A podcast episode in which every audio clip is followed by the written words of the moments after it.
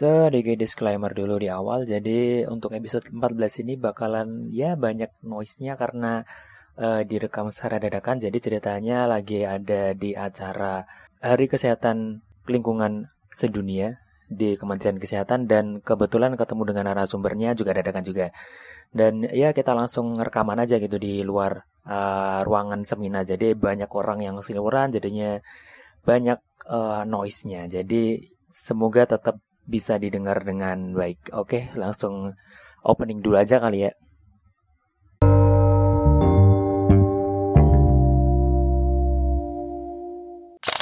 yang mereka sampai saya pernah juga ikut lomba itu jurinya di daerah itu jurinya itu Pemilik kepala pemerintahan. oh, kepala, kepala pemerintahan. suka-suka dia berarti.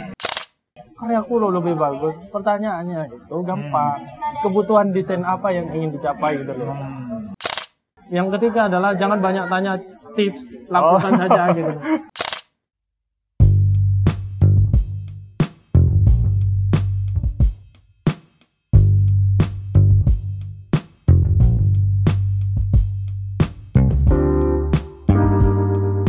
Selamat datang di podcast episode ke-14 Saya bagaimana kabar kalian? Semoga baik-baik saja seperti biasanya uh, Kali ini aku nggak sendiri lagi nih. Ada narasumber yang ketemunya dadakan nih. Kebetulan lagi ada di acara uh, Hari Kesehatan Lingkungan Sedunia di Kementerian Kesehatan dan bertemu dengan uh, orang yang kece nih.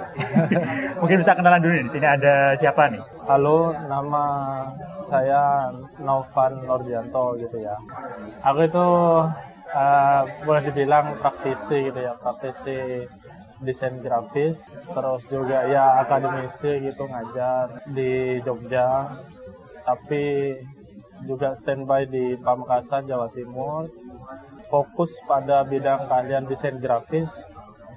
Tapi berlatar belakang pendidikan sebenarnya latar belakang pendidikannya itu desain komunikasi visual gitu ya. Di kafe ya? Ya di kafe tapi lebih fokus pada cabang desain grafis. Hmm.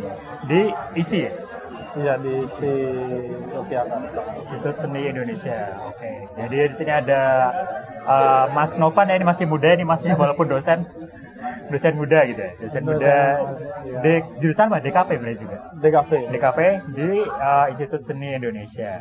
Nah, waktu aku pertama kali ini nih searching nih masnya ini Mas Novan ini lihat uh, Instagramnya gitu ya. itu penuh dengan apa ya istilahnya portofolio gitu ya kali ya dengan hasil karya-karya uh, Mas Topan ini yang aku bilang keren gitu. Poster-posternya dan lain sebagainya. Dan uh, udah banyak yang sampai luar negeri juga gitu. Nah mungkin uh, seperti biasa ya aku tanya dulu soal backgroundnya dulu kan. Uh, Mas Topan ini kuliahnya berarti tadinya di mana? Di DKV isi juga ya? Iya. nah itu. Nah itu dulu kenapa tuh milih DKV uh, sebenarnya berangkat dari hobi ya kegemaran gitu. Hmm. hobi menggambar. Cuman dari kecil kan ya cuman saya memang lebih tertarik ke, ke gimana gambar itu bisa dibuat komunikasi gitu. Hmm. akhirnya ditemukanlah yang namanya jurusan ketemu sama jurusan desain komunikasi visual bukan seni rupa murni. Kalau seni rupa murni nanti ada seni lukis macam-macam gitu. Oh, ada bedanya itu? Ada bedanya. Bedanya apa tuh berarti? Ya kalau di seni rupa, seni murni itu dalam artian bukan untuk kebutuhan ekspresi komunikasi gitu loh, daya ungkap komunikatif. Hmm tapi murni kepada seni kalau oh, seni, seni ya. Uh, murni. Fine kayak kayak Avandi gitu-gitu. Ya? Iya. Oh, oke okay, oke. Okay. Jadi ada patung, ada uh, lukis gitu ya. Hmm. Nah, kalau di desain komunikasi visual itu lebih pada konsep uh, berbahasa lewat visual gitu. Kita pakai uh, mempelajari elemen-elemen visual untuk diungkapkan dalam sebuah komunikasi. Kita belajar medianya, tekniknya. Contohnya, contohnya?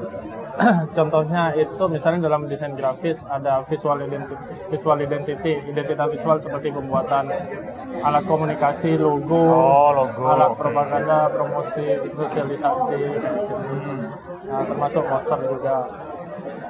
Cuman di, di selain apa namanya selain desain grafis kalau di DKV itu juga ada eh, periklanan, desain periklanan, dan satunya lagi namanya desain animasi. Oh, oke oke. Saya fokus ke desain grafisnya. Oke. Masuk di dalamnya ada ilmu-ilmu lain, misalnya ilmu tipografi, ilmu tentang huruf, Hmm. visualisasi huruf, terus eh, ada juga ilustrasi sebagai eh, penopang dari desain itu Ya, ya. dan macam-macam sih banyak. Tapi kalau eh, ini ya tentang di kafe gitu ya. eh, sekarang itu masih model apa ya visual yang manual artinya pakai lukis tangan gitu atau lebih ke eh, udah computerized gitu artinya pakai Corel pakai Adobe Illustrator atau gimana oh saat ini Eh, jadi dalam proses belajarnya atau dalam proses praktiknya sekalipun untuk bekerja itu kebutuhan manual itu menjadi dasar sebenarnya. oh berarti tetap harus bisa Ya, dasarnya Kalaupun ya. misalnya untuk kebutuhan digital ya, kebutuhan digital itu ada yang namanya proses scanning dari manual. gitu. Hmm. Jadi digital menjadi alat eksekusi untuk eh, sebagai apa namanya final design. gitu. Hmm. Atau juga manual kemampuan tangan gambar tangan manual itu juga dibutuhkan dalam yang namanya digital painting untuk gambar melukis digital lah istilahnya. ya ya ya. Jadi kita temukan di ilustrasi-ilustrasi game, ilustrasi-ilustrasi poster, kayak gitu. Oh, oke oke Jadi kebutuhan manual itu sebenarnya diperlukan untuk eh, sebagai dasar untuk membuat atau mengeksekusi ke dalam bentuk digital. Oh, terus jadi ini nih, jadi penasaran nih. Kalau mau masuk DKV, itu salah satu syaratnya harus bisa gambar nggak?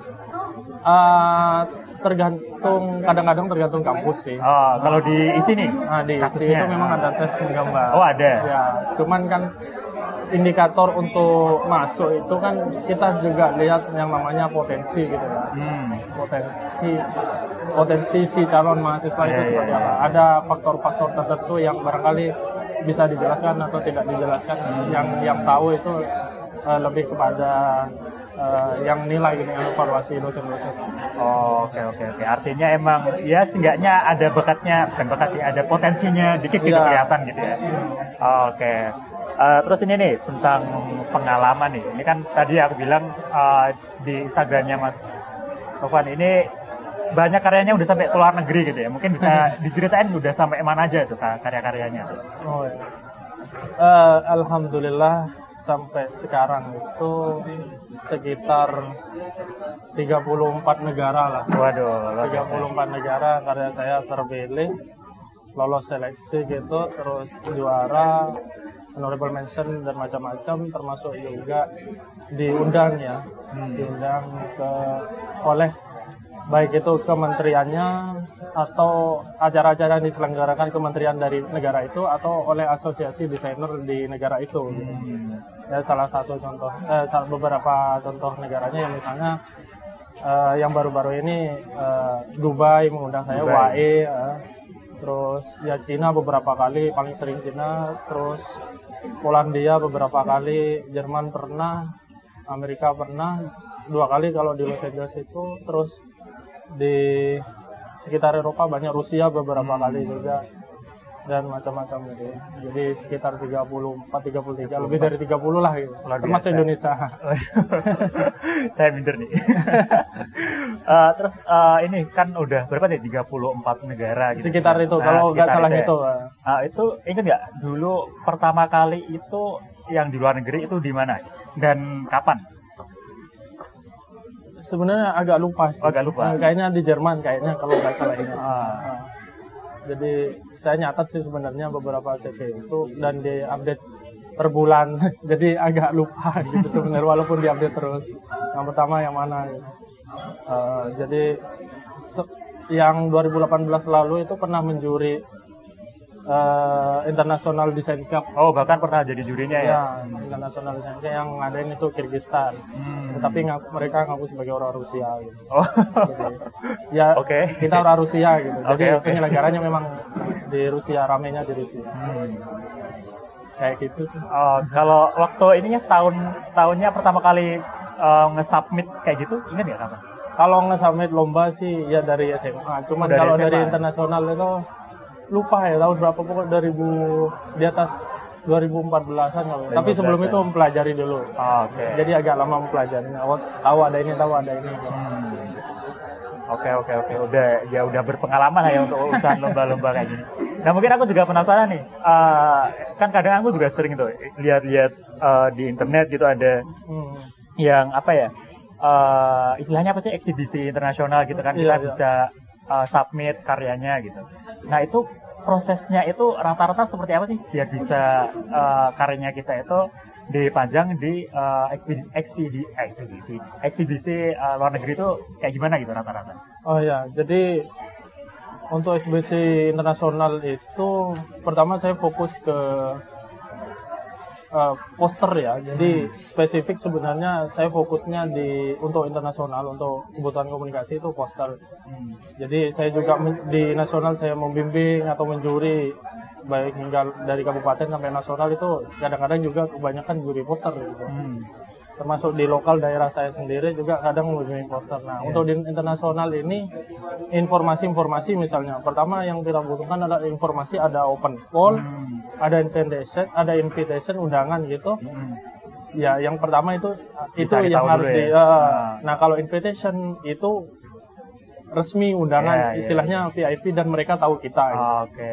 Nah, kalau open call kita nyari Yang di- gitu ya? Ah, open call itu nyari di informasi di internet. Beberapa informasi tentang eksibisi poster itu memang agak strange gitu, aneh di Indonesia. Kok Hmm. bisa ada eksibisi poster gitu. Sementara di internasional itu ada. Oh lebih sering ya? Iya, lebih sering. Bahkan yang pertama itu adanya pameran poster itu di Warsawa di Polandia sekitar Oke. tahun 60-an. Langsung membawa nama Biennale, Biennale. Iya iya. iya. dua tahun sekali. Oh Nah, Biennale itu di Jogja juga ada kan? Iya tapi lebih sering lupa. Bienal, trinal, sama Oh, annual oke, itu kan oke. menunjukkan berapa tahun sekali sebenarnya. Biennale dua tahun, Oh, eh, trinal tiga tiga tahun, tahun. annual Oke, satu tahun oke, sekali. Nah, sam- mem- kalau sudah sampai membawa na- nama Bienal biasanya sangat prestisius ya, mau di Indonesia, Bienal seni rupa dan macam-macam. Hmm. Iya, iya, itu iya. sampai ada Bienal namanya Bienal poster. Nah, informasi ini dulu saya nyari-nyari, rajin nyari gitu ya Hmm. rajin nyari tapi akhir-akhir ini beberapa tahun ini sudah gak nyari lagi diinformasikan Oh, oleh udah mereka invitation ini ada ya, malah. ini ada open call walaupun bukan invitation Oh, gitu. Oke. dikasih tahu kan ini ada open call ikut toh baik Karena- itu dari panitianya dari apa namanya dari teman-teman sendiri yang Hmm. bule-bule itu sama apa namanya sama orang-orang lain baik di Indonesia kalau di Indonesia rata-rata yang yang main poster sementara ini kedeteknya eh, yang untuk internasional itu lebih banyak ke dosen Oke. di Jakarta banyak. Tapi untuk pemain poster secara praktisi, untuk poster itu kebanyakan Bandung sama Jakarta itu Hmm. udah gayanya udah udah apa yang namanya istilahnya bercoraknya corak modern kontemporer Hmm. internasional lah istilahnya gitu udah beda banget nah kalau di informasi-informasi ini yang pertama kita harus melalui jalur seleksi gitu ya kita mengaku- mengikuti aturan-aturan untuk submit ya? nah Ah. untuk submit itu gimana misalnya ukurannya Hmm. eh, apa namanya ukuran filenya terus kelengkapan-kelengkapan lain profil biodata Hmm. bahkan kita ditanya itu eh, tergantung ya informasi apakah harus peserta dari alumni seni Hmm. Atau Oh, ada umum gituan juga ada ya? kayak gitu Kayak kerja. itu ada kayak gitu emang Oke oke. Karena mungkin mere- mereka melihat apa ya kompetensi dan kualitas itu. Oke. Terus ada juga kategori profesional sama student, mas Ah. siswa atau pelajar gitu. Nah, selama ini yang saya ikutin itu lebih ke profesional, Oke. yang student jarang. Jadi boleh nih siapa aja ikut. Tapi- Dan menariknya adalah ketika kita mengikuti perkembangan-perkembangan ini, tujuan dari pameran-pameran ini sebenarnya berbeda dengan tujuan dari seni rupa yang kadang-kadang menjual karya gitu ya. Nah di poster ini kebanyakan adalah mengikuti perkembangan bagaimana desain itu eh, desain grafis terutama poster itu berkembang. Hmm. Jadi tujuan dari acara tersebut kadang-kadang untuk meninjau gitu. Oh, Ya, Oke. Untuk mempreview, untuk mengeksposur gitu. Bahwa bagaimana sih perkembangan karya desain sementara ini Oke, gitu. oke, oke. Dewasa ini seperti apa. Sampai ditemukan misalnya gaya-gaya yang telah lalu ini telah usai misalnya di negara ini yang ramenya seperti ini. Itu salah satu Berarti kayak kayak ini juga ya kayak misalkan trend fashion gitu ya? Iya, Bisa- lebih kayak itu sih. Ah, Bahkan dipamerkan di museum dan macam-macam. Oke oke. dan yang ikut rata-rata memang di luar negeri itu eh, menarik gitu ya Hmm. Dari profesor pun ada gitu yang ikut itu saya pernah ikut di acara-acara misalnya pesertanya mulai dari 200, 500, 1000, 2000, 3000 sampai 10000 pernah Oh. lolos di 10000 peserta. Jurinya pun Beda-beda. banyak mulai dari 5, 10 sampai 31 pernah. Waduh. Jurinya 31. Itu kalau di sini kan kalau sampai 31 juri kan ngeri banget Bentrok sempat bentar. Itu sampai 31 juri. Oke oke oke oke. Jadi benar-benar susah gitu, susah dan nggak ketebak, nggak bisa kita tebak kayak gini nih, belum tentu, Iya, gitu. iya, iya. belum tentu nggak bisa banget. Dan menariknya adalah karena poster ini bagian dari ekspresi gaya desain gitu ya, itu beberapa acara itu memang mengakomodasi gaya-gaya desain Hmm. Eh, yang sudah ada misalnya.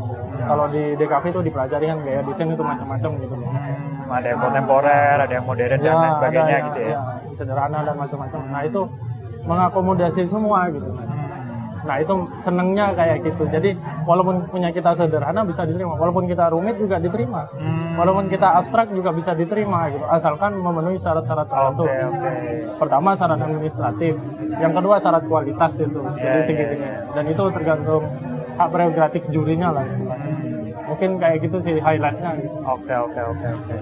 Eh, terus ini tadi kan tentang poster ya lebih ke poster. Eh, terus mungkin untuk lomba lomba desain di dalam negeri kita sendiri. gitu. Ah. Nah, eh, Mas Novan itu pasti juga sering ini kan ikut berbagai lomba desain kan. Misalkan yang sekarang kita ketemu kan juga karena lomba desain logo gitu. Eh, kalau menurut Mas eh, lebih gampang lomba desain dalam negeri atau eh, luar negeri? Misalkan kalau misalkan aku ini ya kan aku juga beberapa beberapa kali lah ikut lomba desain dalam negeri itu kadang suka merasa apa ya merasa eh, banyak faktor keberuntungannya gitu. Misalkan kita ikut lomba logo perusahaan apa gitu. Nah, ketika kita submit eh, itu yang menang itu malah justru logo-logo yang kurang dalam tanda kutip kurang sesuai dengan syarat yang dituliskan gitu di awal gitu. Kadang-kadang seperti itu karena mungkin bisa jadi karena uh, jurinya kurang kompeten atau uh, ya adalah ada ada faktornya gitu. Nah kalau menurut uh, Mas Nova sendiri gimana tuh? Eh, jadi gini yang perlu diketahui dasarnya pertama adalah eh, lomba itu kan tidak bisa selalu gitu ya, tidak bisa selalu di diperkirakan secara apa ya, secara jelas gitu ya. Ada faktor X sebenarnya, faktor iya, X iya. yang kadang-kadang kita itu oke lah karya kita bagus, tapi secara administratif tidak diterima misalnya Iya. gitu. karena ngirim email, ngirim post itu nggak Ah. diterima ternyata. Nah bisa kayak gitu dan kita nggak tahu. Ada juga mungkin ya beberapa juri tidak suka dengan peserta itu ada sampai kayak Oh, gitu. ini ya sudah ya? mengalaminya ada kayak gitu. oh pernah gitu Eh, pernah saya mengalami Oke, kayak oke. gitu. Terus ada sampai ya macam-macam mulai dari administratif, urusan kelombaan, karya saya kurang dan sebagainya atau karya teman-teman kurang dan sebagainya hingga dengan lolos sampai yang urusannya orang-orang dalam. hmm. Ya, jadi itu kalau apa istilahnya lomba-lomba di Indonesia mungkin Iya, kayak iya, gitu iya. ya. Saya tidak mau ngejudge, Iya, iya. tapi ada Kenyataannya istilahnya seperti frame itu. seperti itu. gitu. Ah. Nanti kalau ngejudge semua nanti kan bahaya ke saya. Gitu. Iya, iya. Jadi ada frame seperti itu. Hmm. Nah, terus kalau dibandingin dengan luar gitu ya, Hmm.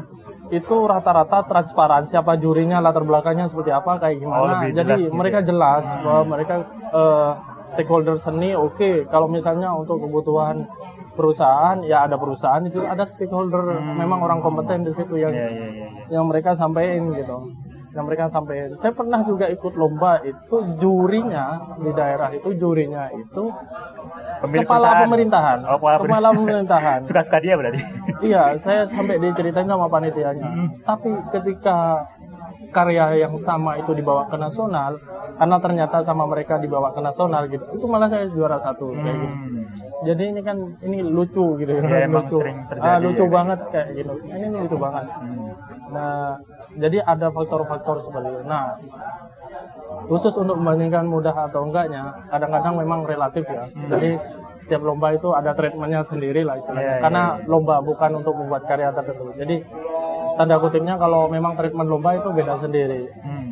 Nah untuk poster memang ya, untuk poster itu kadang-kadang di luar negeri itu kita pakai gaya apa fokus pada ke lebih kepada ide. Oh, isinya gitu ya? Iya ide gitu, idenya apa? Yang idenya yang surprise gitu, Iya, yang iya, mengagetkan iya, iya, mereka, iya. yang beda gitu ya. Hmm. Nah kalau di Indonesia belum tentu ide saja, tapi kadang-kadang kalau misal poster juga. Urusan visual misalnya harus ilustratif. Gitu. Iya, iya, iya. iya. Jadi kalau berbicara poster harus ilustratif jadi repot. Hmm.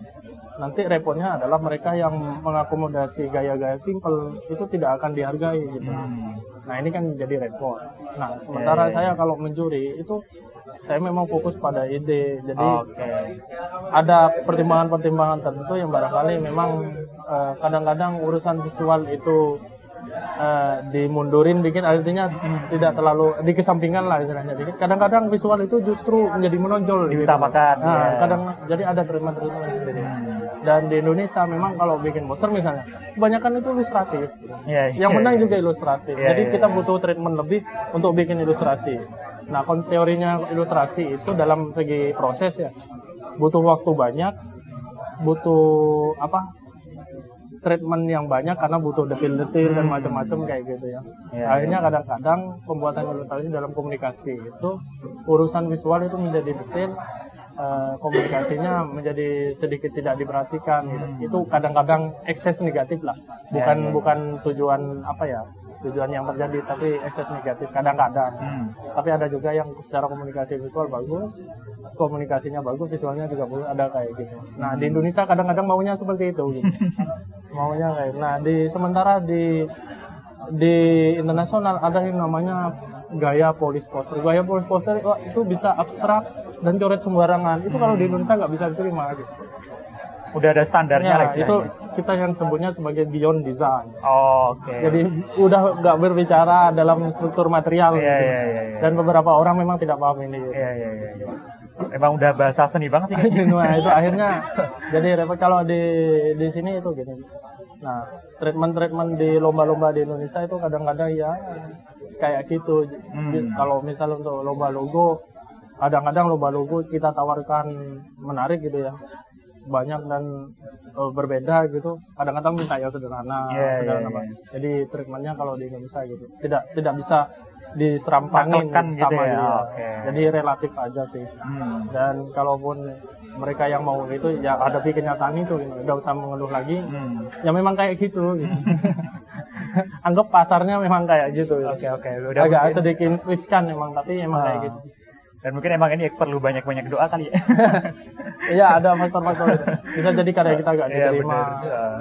karena memang kita email kadang-kadang panitia gak balas gitu. Ah. sementara di luar negeri itu rajin balas Oh, gitu. karyanya sudah diterima Oh, siap. iya benar benar bahkan saya ngubungi lewat sosmed gitu. Iya, karya iya, saya iya, udah iya. dikirim gitu. Iya, iya, iya. Nah kalau di luar negeri ngubungin kayak gitu ada, tidak ada kontak, tidak boleh ada kontak dengan panitia Ah. macam-macam untuk urusan pengiriman karya ada kayak gitu. Hmm. Jadi di situ aja kita was-was gitu. Sebelum penjurian kita udah was-was. Hmm. ya, dan mungkin ini juga lebih eh, kalau dalam lomba di Indonesia ya udahlah nggak usah berekspektasi tinggi-tinggi gitu. Iya. Nanti Karena- urusan menang atau enggak ya itu nothing tulus lah istilahnya. gitu. Dan kita juga harus eh, mau berkompromi lah dengan hasil yang didapatkan Iya. seperti itu ya mungkin.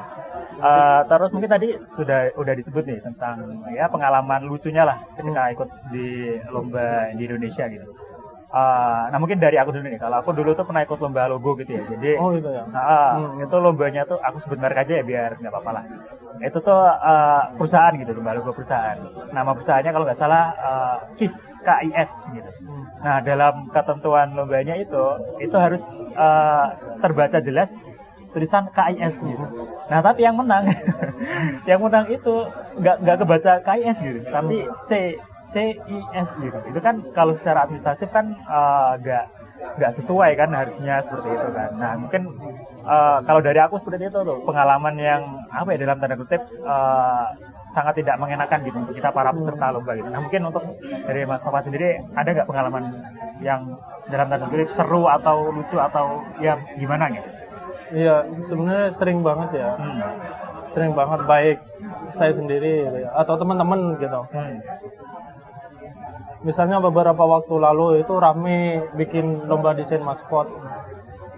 desain maskot eh, apa ya namanya ya KPU KPU. Maskot KPU Oh iya iya iya iya. tahun 2017 Ah, lalu ah, ah. saya kan ikut sekitar 10 lomba sayembara tapi yang dapat 6 Waduh, 5 banyak. juara satu semua terus satu juara tiga Wah, luar biasa. Nah, waktu ketik eh, waktu nunjukin eh, apa namanya karya itu ke beberapa teman-teman, teman-teman itu bilang karyaku lo lebih bagus. Pertanyaannya itu gampang.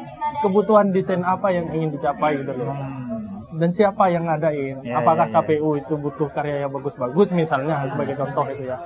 Sehingga kalaupun bagus terkontrol dalam pembuatan maskotnya gitu. Butuh biaya banyak untuk pembuatan maskot atau apa kan enggak. Jadi ada pertimbangan-pertimbangan kayak gitu. gitu. Di luar Di ini luar ya, desainnya sendiri. Iya, iya, Yang kita sebut sebagai kebutuhan desain lah istilahnya. Iya, iya. Yang kita simpelkan gitu. Jadi saya ketawa-ketawa aja gitu. Misal di Cina kita eh di Taiwan pernah ngomongin tentang perdamaian. Saya bikin poster perdamaian yang langsung fix kepada kepada ber- berbicara tentang cara atau solusi untuk berdamai. Hmm. Salah satu solusi untuk berdamainya adalah kita menyampaikan simbol-simbol balon dialog gitu ya, balon dialog dengan dilawan dengan bentuk eh, bom gitu. terorisme sebagai simbol dari terorisme. Nah itu kemudian ketemu ketemu ketemu jadilah dialog putih gitu.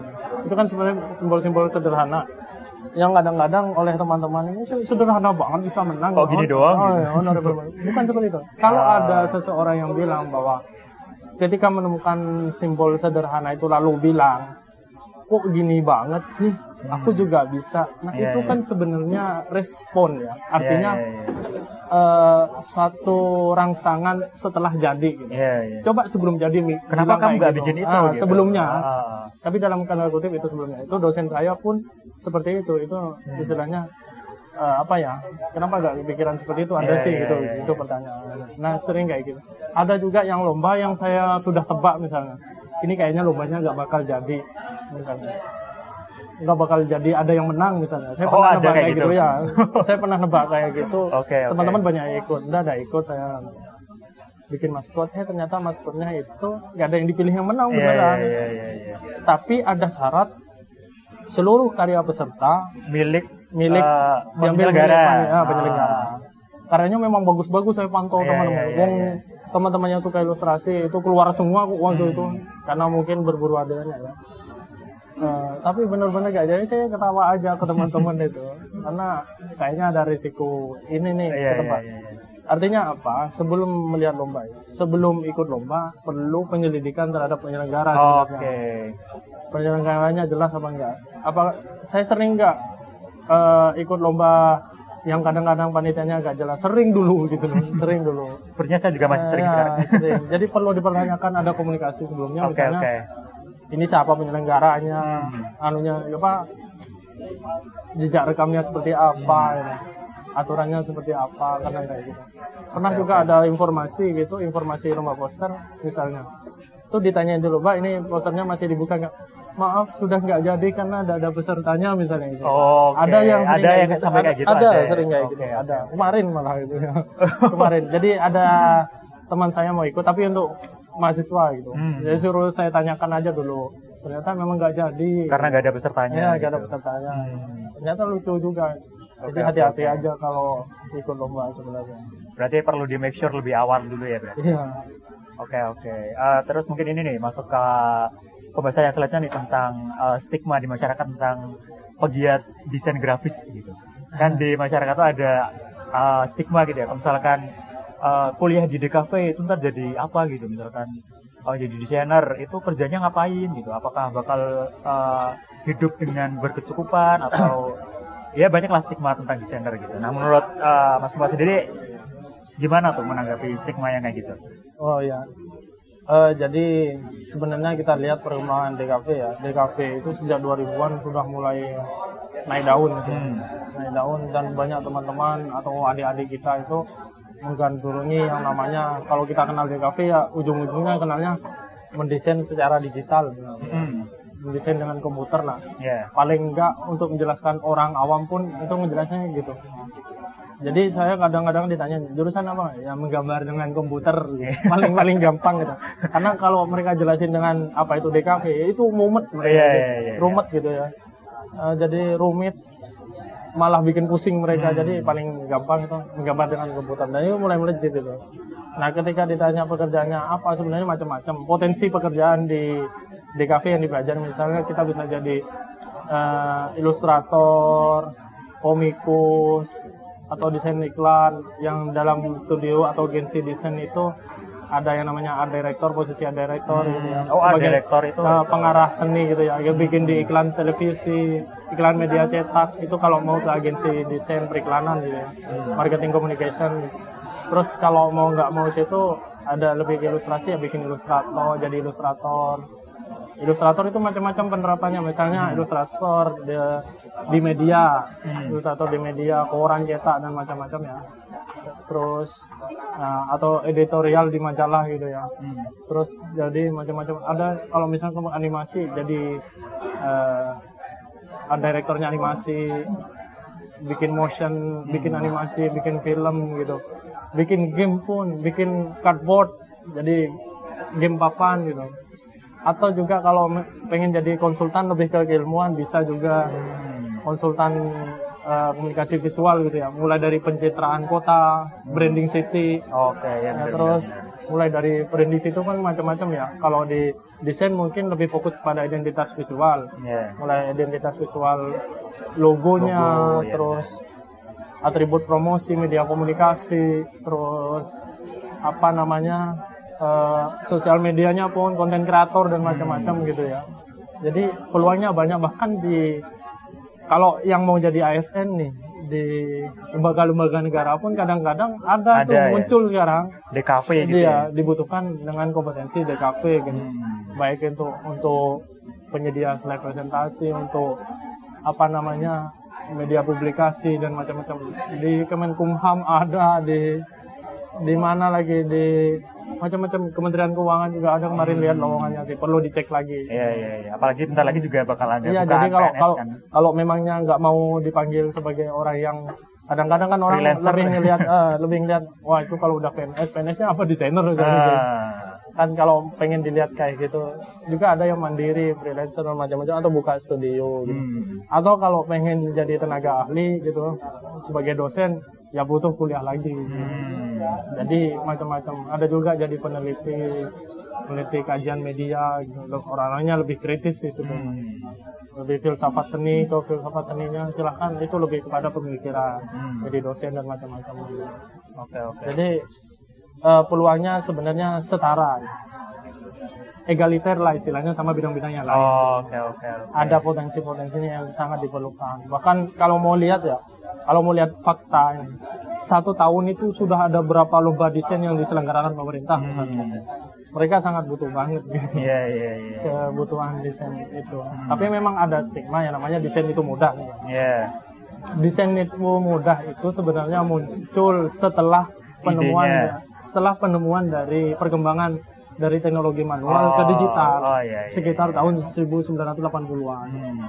Jadi komputer saat itu dikembangkan, kemudian mulai dipakai untuk mendesain, akhirnya muncul yang namanya demokratisasi desain. Apa tuh? Dimulai dari demokratisasi komputer untuk mendesain. Hmm. Jadi lebih kepada akses Hmm. siapa pun yang pakai komputer misalnya itu bisa mendesain itu muncul stigma itu siapa pun yang pakai komputer bisa mendesain Hmm. siapa pun yang bisa Photoshop bisa dipanggil desainer Iya, iya, iya.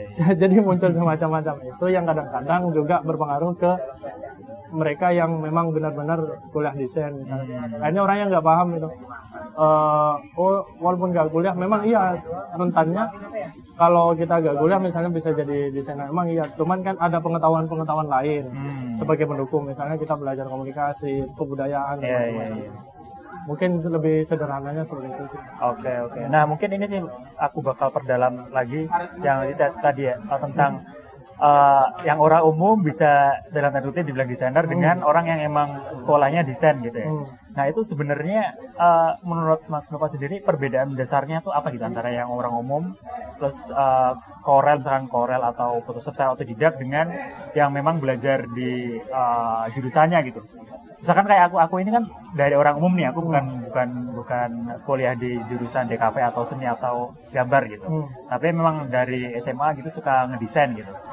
Uh, dibandingkan dengan uh, teman-teman yang kuliah di bidang desain atau Hmm. seni itu uh, menurut Mas perbedaan dasarnya itu apa? Eh, jadi perlu ada yang namanya semacam pemikiran dulu ya, Hmm. pemikiran dasar bahwa siapa saja boleh berkesenian gitu. Iya iya iya. Artinya tidak ada batasan batasan umur, Harus batasan- sekolah ah, gitu. Siapa aja boleh. Oke. Siapa aja. Cuman kadang-kadang memang kalau urusan-urusan resmi itu misalnya kita bikin CV, kita butuh namanya ijazah seni atau desain gitu. Hmm. CV studio misalnya. Memang memang dibutuhkan kayak gitu. Hmm. Jadi karena apa? Karena latar belakang pendidikan itu kalau boleh kita sepakati adalah bentuk keseriusan kita itu. Hmm. Kan kita sudah melalui ya yang kemudian kita anggap sebagai mengalami yang kita sebut sebagai pengalaman. Pengalaman. Melalui pengetahuan pembelajaran terus eh, pengetahuan-pengetahuan dasarnya ten- baik itu keseniannya Hmm. dan macam-macam termasuk pengaruh-pengaruh kesenian gitu.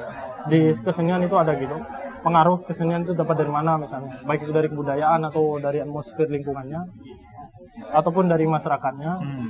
nah itu juga ngaruh dari teman-teman dan macam-macam sehingga terbentuklah yang namanya barangkali kita sebut sederhananya eh, sebuah apa ya terbentuk sense of cognition gitu pengetahuan Hmm.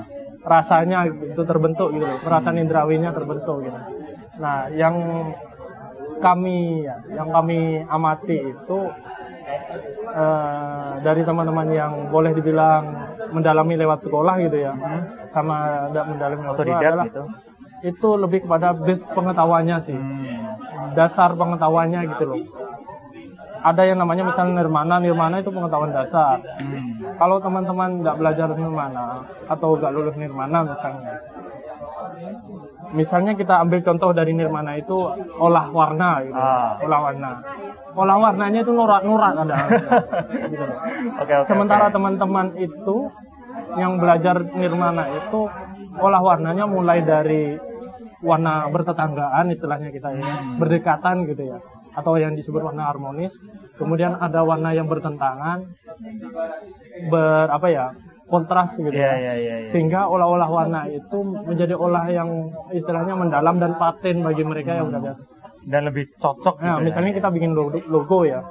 Logo itu kan harus terlihat dalam satu kesatuan bentuk sebenarnya. Itu konsep teori dasarnya lah. Iya iya iya. Walaupun kita membentuk apa pun rumit-rumit gitu ya. Bentuk dasarnya itu kelihatan seperti apa sehingga Oke. itu mudah dilihat. Hmm. Kadang-kadang orang yang nggak paham itu merah, biru, kuning gitu. Tabrak gitu aja. Iya, yang iya, penting iya. itu kelihatan mencolok. Sehingga sebagian gambar itu menjadi kelihatan parsial gitu. Hmm.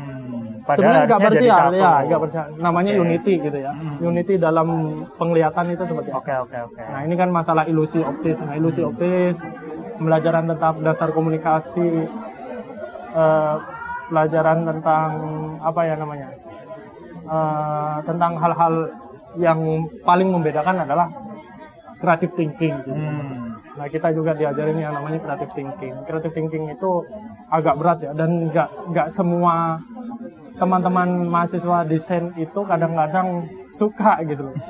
Tapi mau nggak mau di- Harus ya. dipelajari ya karena itu olah ide. Hmm. Eh, esensi dari kreativitas itu salah satunya adalah melalui proses creative thinking itu. Hmm. Ya baik itu menjadi karya yang berbeda, gitu. karya yang surprise, karya yang apa namanya Deep. iya tiba-tiba kelihatan bikin kita kaget Iya, gitu, iya, mengejutkan lah istilahnya Hmm. atau outstanding dan macam-macam Ah. itu kan melalui proses yang namanya creative thinking. thinking. Nah, creative Iya. thinking ini kalau nggak dipelajari secara kompeten, ya akhirnya jadilah karya yang boleh dibilang hanya memanjakan mata gitu loh kita. Kurang kurang dalam Iya. gitu ya mungkin. Oke oke oke. itu gitu ya karena kita juga be- be- belajar filsafat ya sama sih sebenarnya dengan belajar yang lain kalau kita ngomongin keilmuan lain sebenarnya kita bisa dibilang nggak kompeten kan gitu. Hmm. Nah, pada beberapa momen atau kesempatan tertentu itu latar belakang pendidikan itu dipertanyakan. Hmm. Misalnya kita ikut pameran tertentu itu ya. Ya saya bilang tadi, kadang ditanyain latar belakang pendidikanmu, senimu apa? gitu. Hmm. Bahkan ditanyain pengalamannya sudah ke mana aja. Kalau Iya, cuma iya, iya. dapat dikit pengalaman CV itu kadang-kadang nggak lolos. Oke. Karena ya kamu harus melalui banyak dulu gitu. Kayak gitu. Kita misalnya kalau belajar, kalau dibilang DKV itu cuma belajar teknik komputer aja, enggak juga gitu. Hmm. Karena kita banyak eh, materi lain penyokong. DKV itu sebenarnya kan di persimpangan jalan gitu. Kita mau belajar poster tentang kesehatan, kita sedikit belajar tentang kesehatan. Hmm, oke oke. So- Soalnya menyampaikan komunikasinya Ya, tadi itu ya. Gitu ya. Hmm. Dan ada yang namanya eh, psikologi visual belajar juga psikologi. Hmm, gitu. Oke oke. belajar psikologi visual sama teman-teman psikologi kamu mau belajar psikologi visual sih gitu materimu apa ya psikologi visual kan masuk kita indrawi penglihatan gitu. Belajar komunikasi komunikasi periklanan target audiens kajian media media yang cocok dan bagaimana bahkan hingga sampai hal-hal yang kritis misalnya pinjam dengan ilmu-ilmu sosiologi Hmm. yang kritis itu banyak gitu ya kita pinjamkan sebagai kajian interdisiplin Hmm. bahwa bagaimana mengkaji media dari pengaruhnya terhadap kehidupan sosial Hmm. dan itu kan pembahasan tentang ilmu-ilmu sosiologi Ya, yang ya, kita ya. sebut kadang-kadang sebagai sosiologi desain Hmm. bagaimana produk desain itu mempengaruhi kebudayaan manusia mempengaruhi kehidupan manusia Hmm, bisa menggerakkan Ah, masyarakat seperti gitu itu ya. ya. Mungkin kayak yang kemarin poster di uh, Gejayan memanggil seperti itu. Iya itu salah Ah, satunya itu kan media Iya iya iya. Dan mungkin dia dipakai untuk uh, bermain. Mungkin ini juga tambahan mungkin bedanya yang antara masyarakat umum kemudian yang memang belajar di uh, desain gitu, mungkin kayak ini ya, apa ya? Misalnya orang yang balapan gitu. Ada yang balapan jalanan, ada yang emang latihan gitu balapan gitu ya mungkin. Dua-duanya sama-sama bisa balapan, tapi yang latihan kan tahu uh, apa ya dasarnya tahu ilmunya gitu, mungkin seperti itu mungkin. ya. Iya, cuman kan kalau analogi balapan itu analogi praktik ya. Mm-mm. Nah, kalau DKV nggak cuma praktik aja pengetahuan. Iya, iya, iya, iya. Artinya ya paling sederhananya ada celah-celah pengetahuan yang bisa dibilang kurang daripada mereka yang uh, Memang melaluinya secara serius gitu. Oh, Oke oke oke. Gitu sih. Eh, terus ini nih tentang eh, masa depan DKV gitu. Hmm. Kan sekarang apa-apa terdisrupsi dengan industri 4.0 gitu. ya. Kalau menurut Mas sendiri eh, untuk khusus di bidang desain ini akan terdisrupsi ataukah akan eh, justru semakin eh, berkembang gitu. Masalahnya kan semakin sini orang-orang makin eh, mampu bersentuhan dengan dunia digital itu kan. Nah, menurut Mas sendiri gimana tuh? Eh, ya bisa dibilang semangat DKV itu sebenarnya karya-karya DKV itu kadang-kadang menjadi penanda zaman gitu. Hmm. karya-karya pertama di digital design misalnya dengan komputer grafis waktu itu ada yang namanya karyanya dari April Grayman gitu dengan karya-karya pixel gambar wajah dirinya foto dalam 1,8 meter ya itu menunjukkan bahwa penggunaan komputer grafis pertama kali tahun 80-an 86-an gitu. Nah, kemudian pada saat-saat sekarang ini muncul yang namanya DKV New Media, yaitu menggunakan eh, meng- menggunakan apa ya namanya? Menggunakan media-media komputer terutama, Digital, ya. teknologi lebih kepada pengembangan teknologi digital dan macam-macam, simulatif, Hmm. sifatnya karakternya itu simulatif, terus hypertext gitu ya, Hmm. tautan links, Oke. link teks ke sini menuju ke link ini jadi Ya, ya, lebih ya. mempercepat waktu terus simulatif misalnya munculnya augmented reality Hmm. artificial intelligence yang kita kadang-kadang eh, partisipatif gitu ya nah sebenarnya new media ini lebih menekankan pada sifat partisipatif Oke. media misalnya ya Jadi nggak cuma satu arah ah, gitu ya? contohnya eh, desain fitur-fitur desain untuk kebutuhan aplikasi ojek online Oke. UI yang kita kenal desainer sebagai UI desainer interface. ya Ah, Oke. UI UX gitu ya Oke. desainer UI UX itu kan bagian-bagian desain yang kadang-kadang memang mendukung perkembangan teknologi gitu loh Hmm. juga di apa ya dikawinkan dengan perkembangan teknologi bahkan poster-poster sekarang di jalan itu sudah di luar negeri ya Hmm. sudah mulai banyak yang augmented reality dan lucu-lucu gitu Oh, benar. menarik Eh, disesuaikan dengan kebutuhan jadi akan terus berkembang Hmm. mengikuti perkembangan zaman itu Betul, tadi ya ya. berarti. Oke. awalnya eh, iklan-iklan cuma statis Hmm. baliho di luar Iya, ruang iya, gitu. iya, iya. sekarang muncul yang namanya iklan-iklan videotron Hmm. misalnya digital seperti itu jadi ya akan terus berkembang lah Berkembang, ya. bahkan siapa yang pengen nemuin hal-hal yang baru ya silakan itu justru yang tantangannya sebenarnya Oke oke. Dan mungkin ini juga sekarang kan makin eh, iklan itu dalam genggam, genggaman kita gitu ya. ya Tiap hari kita lihat handphone itu pasti ada iklan yang nongol gitu ya kan. Iya. Jadi mungkin justru bukan bukan berkurang tapi bisa jadi bakal lebih berkembang lagi gitu ya untuk dunia desain ini. ya karena sudah apa ya kebud- budaya hidupnya udah berganti gitu Hmm. Dari kotak yang besar di rumah kita yang nama dinamakan TV itu sudah beralih ke kotak yang kecil Iya, di tangan iya. kita di mana-mana bahkan kadang-kadang kita nonton sesuatu hal ya. Misalnya apa ya? Hewan-hewan gitu ya. Hmm. yang ada videonya gitu. Tiba-tiba muncul iklan Iya. makanan hewan gitu yang kita lihat. Yang Iya, disesuaikan boleh jadi memantau dalam tanda kutip memantau aktivitas kita yang Iya, sesuai iya. dengan kita tonton gitu. Nah, bahkan iklan-iklan di HP malah lebih beragam gitu iya benar benar. Oke oke oke. Nah mungkin ini nih ini kita udah lumayan lama nih udah sekitar 40 menitan. Eh, mungkin terakhir nih, mungkin ada eh, tips nggak untuk teman-teman desainer di luar sana gitu untuk menjalani kehidupan ke depannya sebagai seorang desainer gitu. Eh, tips saya mungkin eh, beberapa ya Hmm. Jadi satu, kalau pengen latihan skill atau yang dinamakan hard skill, kemampuan skill yang eh, apa namanya ya, yang keras gitu, yang maksudnya menggambar, mendesain, menggunakan aplikasi komputer, ya itu temannya adalah waktu. gitu. Latihan tiap hari dan macam-macam gitu ya. Karena kalau nggak berteman dengan itu ya nggak bisa-bisa. Hmm.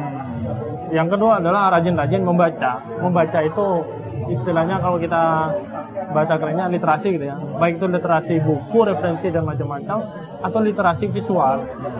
Nah, literasi macam-macam itu membaca misalnya membaca kondisi sekitar, ada apa sih isu Oh, apa yang berkembang di sekitar kita. Membaca buku pun juga penting gitu, pengetahuan tentang desain, gaya desain.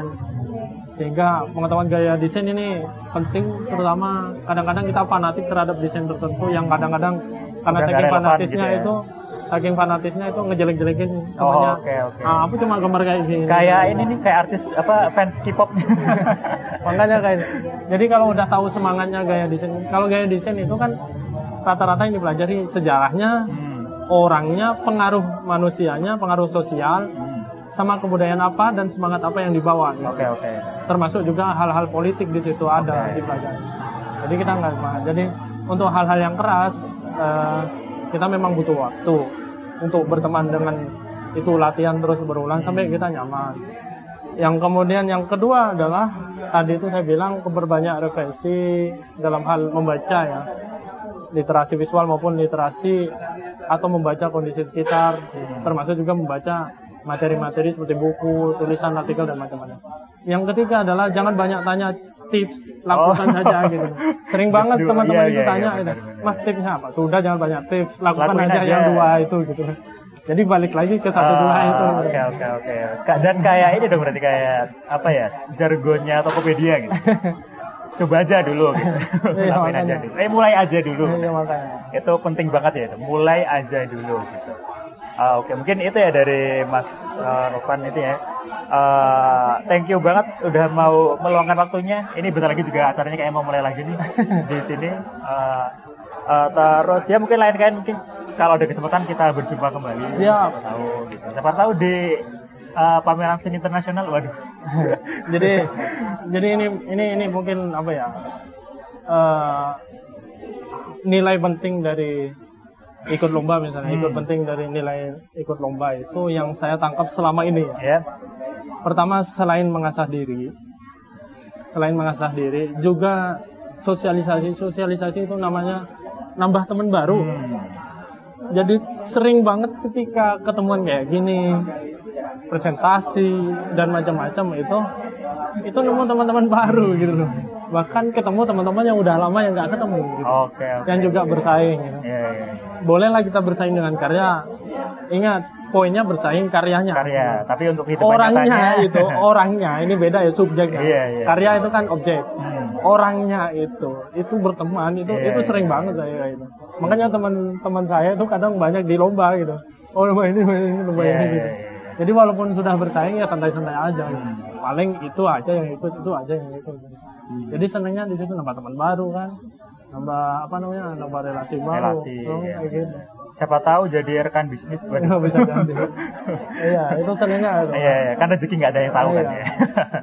itu yang paling penting sih kadang-kadang memang ada juga yang malah bikin musuh gitu Oh, ketemu oke, bikin oke. musuh bikin panas gitu. Iya, mau iya. saya santai-santai aja kok kalau bisa berteman gitu Iya, iya. ada yang kayak gitu ya tinggal jatuhnya ke pilihan kita Masing-masing ya. Kan juga untuk misalkan tujuannya untuk Itu- dapat hadiah kan. Iya.